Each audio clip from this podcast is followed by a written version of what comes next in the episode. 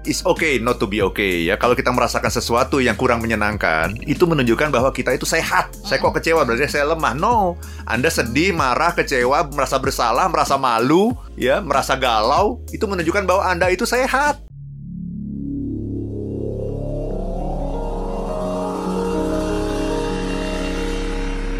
If you want to be happy, be happy now. Be happy now. Be happy. Smart happiness. Smart happiness bagaimana merubah mindset, menumbuhkan skill dan menciptakan tools yang dibutuhkan untuk mencapai bahagia. Bersama Arvan Pradiansa.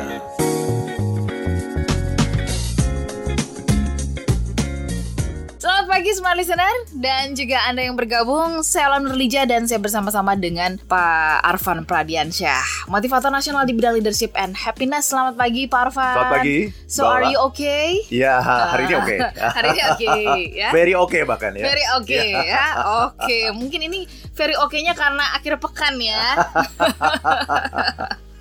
Baik, Ya. Bapak mau memberikan highlight di bagian mana silakan. Jadi kan sering kali kita kalau ditanya orang kan apa kabar, selalu menjawab baik gitu ya. Dan kalau memang kondisinya baik sih oke ya. Tapi Ya. kadang-kadang kan kita juga dalam kondisi yang tidak, Tidak oke oke. sebetulnya ya.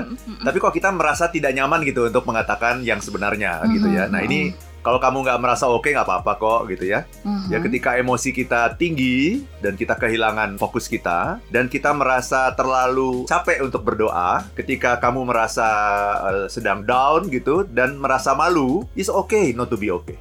Gak apa-apa kok ya, kamu merasa tidak oke itu nggak apa-apa. It's okay. Mhm. Ya. Itu Mbak Ola. Oke, Eh, Bapak tadi mengatakan bahwa eh, justifikasinya kan ya kita manusia biasa gitu ya, Ya, yang juga pasti ada dalam kondisi-kondisi emosi lain selain happy begitu ya. betul, betul. Dan tadi Bapak mengatakan bahwa itu semuanya yang menggambarkan bahwa kita masih manusia nih, Iya, ya, masih betul. normal ya gitu. Nah tapi banyak yang mengatakan gini Pak Arfan, kan kita nih sebagai orang yang beriman nih, orang yang bertuhan gitu Iya, ya, yang iya. beragama, religius, spiritual lah segala macam gitu. Justru justru karena itu yang membedakan kita dengan manusia yang lain. Jadi bener kan ya? Iya, Jadi iya, iya, kita harus selalu em, memancarkan aura kebahagiaan. Jangan Iya. sedih dong, jangan lagi marah dong. Itu gimana pendapat Pak Arfan Iya. mengenai anggapan-anggapan yang demikian? Terima kasih Mbak Ola ya. Itu yang namanya toxic positivity itu. Bahwa kita harus selalu positif, yes. no matter what, apa pun kondisinya gitu ya. Mm-mm, Eh, bukan itu. Orang yang beriman kan manusia gitu. mm-mm, mm-mm, Ya, bedanya orang yang beriman dengan yang tidak beriman adalah bagaimana dia merespon perasaan-perasaan itu gitu. mm-mm, mm-mm, Ketangkep ya Mbak Ola ya. Bagaimana dia merespon perasaan itu. Jadi bukannya harus bahagia terus ya, nggak nggak bisa gitu ya. Kadang-kadang kita merasa sedih. Tapi bedanya orang yang belajar happiness dengan yang nggak belajar happiness apa? Ketika sedih, kita bisa me- membuat perasaan itu tidak berlarut-larut gitu. Kita bisa menyelesaikan perasaan itu dalam waktu yang singkat gitu. Jadi kita merasakan semuanya karena kalau tidak merasakan semuanya itu berarti ada indikator dalam tubuh kita yang mati gitu. mm. Sebagaimana halnya mobil. Mobil kan mobil secanggih apa pun ya. Iya. Itu kan selalu ada indikator kan? Iya. Dan indikator ketika indikator menyala itu bukan berarti mobil itu rusak kan? Mm-mm, Misalnya ya bensin habis itu ada indikator menyala kan gitu kan? Iya. Itu sudah E gitu ya intinya ya. Bensin sudah E. Kemudian misalnya lampu sen tidak menyala itu kan pasti ada tuh. Mm-mm. Ada indikator di dashboardnya misalnya kita jalan tapi kok bunyi terus tut tut tut tut tut, tut gitu. Ternyata apa? Ini nih apa nih? Langsung kita cari kan? Ternyata sabuk eh, pengaman belum terpasang. Nah kira-kira begitu. Oh ternyata ini indikator bahwa suhu mobil sudah meningkat misalnya gitu. Ini kita diemin aja karena kita meng- menganggap oh ini mobil ini mobil yang keren misalnya build up gitu, mobil Eropa gitu yang bagus ya sehingga kita bilang ah ini is oke kok nggak ada apa-apa gitu. Padahal ini suhu mobilnya udah udah merah tuh tandanya gitu. Nah itu kan kalau dibiarkan akhirnya akan terjadi yang namanya overheat kan gitu. Mm-mm. Nah ini jadi mobil sebagus apa pun, mobil sekeren apa pun pasti satu ketika akan ada indikatornya yang menyala gitu. Dan indikator menyala itu bukan menunjukkan kekurangan mobil itu, justru kelebihan mobil itu. Mobil yang tidak canggih adalah mobil yang apa pun yang terjadi tidak ada indikator yang menyala gitu, Mbak Ola. Mm-mm. Gitu Oke. ya. Nah, justru Iya. Semakin canggih sebuah mobil, apa pun yang terjadi, misalnya kurang rapet jendela, misalnya gitu ya, Oke. ada pintu yang belum rapat misalnya. Mm. Sekecil itu saja itu sudah diberikan tanda gitu. Justru semakin detail mobil itu memberikan tanda, itu menunjukkan semakin canggih dan semakin mahal harganya. Nah, kira-kira begitu. Oke. Itu Mbak Ola. Ya, Jadi ya. justru ketika kita merasakan, oh saya bisa ya ngerasakan sedih, kecewa, berarti saya canggih. Gitu. Yang nggak Hmm. canggih adalah orang yang sedih ya biasa aja, kecewa datar saja, Hmm, hmm. ya malu datar saja gitu. Berarti ibarat mobil, mobilnya tidak canggih gitu. Ya, ya. Jadi boleh dibilang em, semakin sensitif begitu ya dan semakin indikator itu bekerja justru dia yang harus nunjukin nih kalau sedang dalam kondisi yang tidak baik gitu ya. Iya, itu menunjukkan kecanggihan kita. Kecanggihan kita gitu ya. Iya, Artinya bekerja begitu ya, bekerja berarti. Oke, Iya. oke. Berarti tanda-tanda itu diciptakan oleh Tuhan itu sangat detail gitu. Mm, mm. Semakin detail itu semakin canggih. Tapi kan apa iya Pak Arfan perlu orang lain tahu kita sedang tidak oke. Nah ini dia ya. Iya. Apakah orang lain juga atau kalau misalkan tahu begitu sampai di batas mana sih kan? Karena Ya. kadang-kadang apa yang dia lihat itu juga ketika nanti disampaikan kepada orang bisa jadi beda gitu Ya, ya. betul. Kalau ya dia benar-benar ngerti kita, kalau Ya. kemudian diputar balikan begitu faktanya gimana? Very good. Ini pertanyaannya bagus sekali ya. Jadi, apakah kita perlu ngasih tahu orang?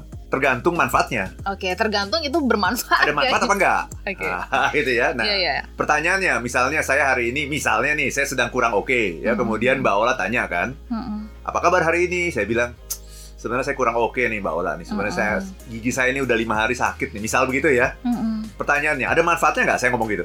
Lebih banyak manfaat atau atau mudarat?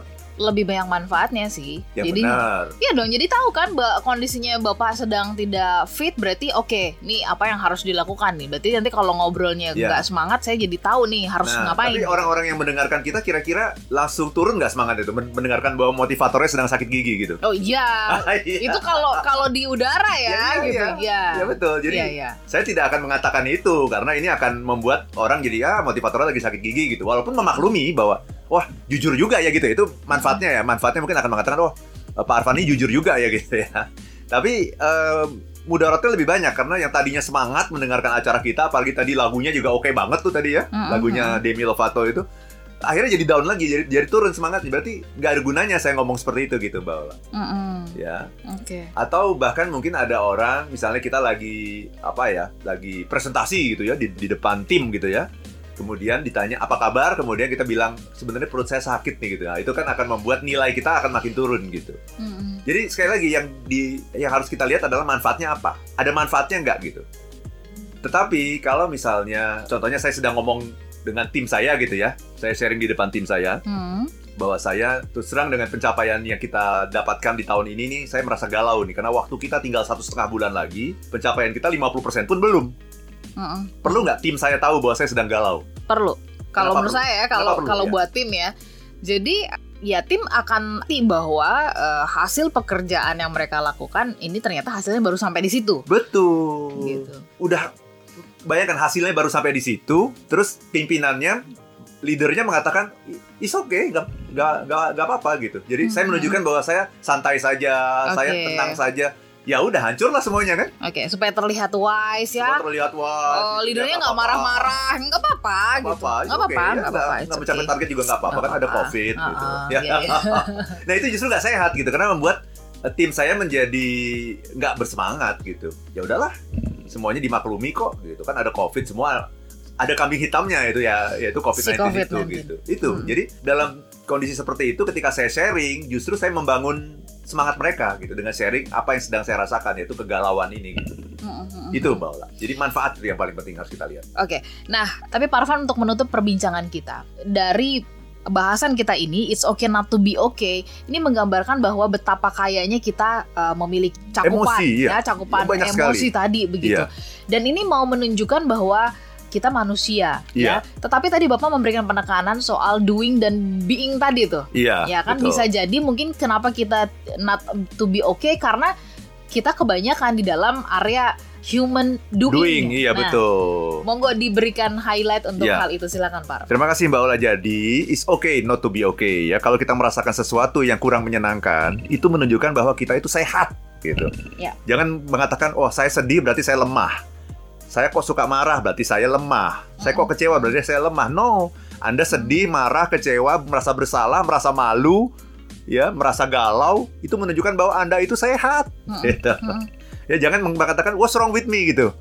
Bukan gitu. Anda tuh sehat, cuma Anda sedang mengalami sesuatu alarm Anda bunyi.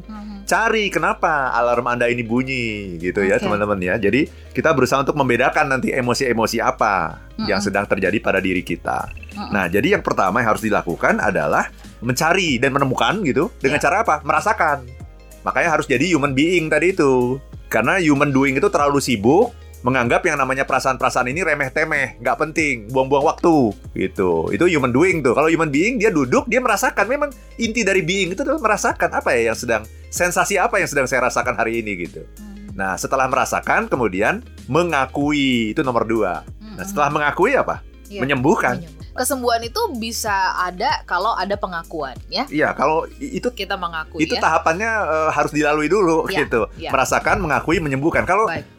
Saya nggak merasakan apa-apa ya apa yang harus saya sembuhkan gitu. Betul. Baik Pak Itu, Arfan, Mbak Ola. terima kasih untuk pagi hari ini Smart Listener dan juga sahabat yang bergabung setelah kita tahu bahwa kita is not okay, yuk kita akuin dan mudah-mudahan habis itu kita ketemu jalannya untuk menyembuhkan ya. Amin. Amin. Sehat-sehat untuk Anda semuanya, tetap eh, jaga protokol kesehatan. Saya Ola Nurlija. Dan saya Arfan Pradiansyah. If, you wanna be happy, be, happy now. Demikian Smart Happiness bersama Arfan Pradiansa, penulis buku bestseller Life is Beautiful dan The Seven Laws of Happiness.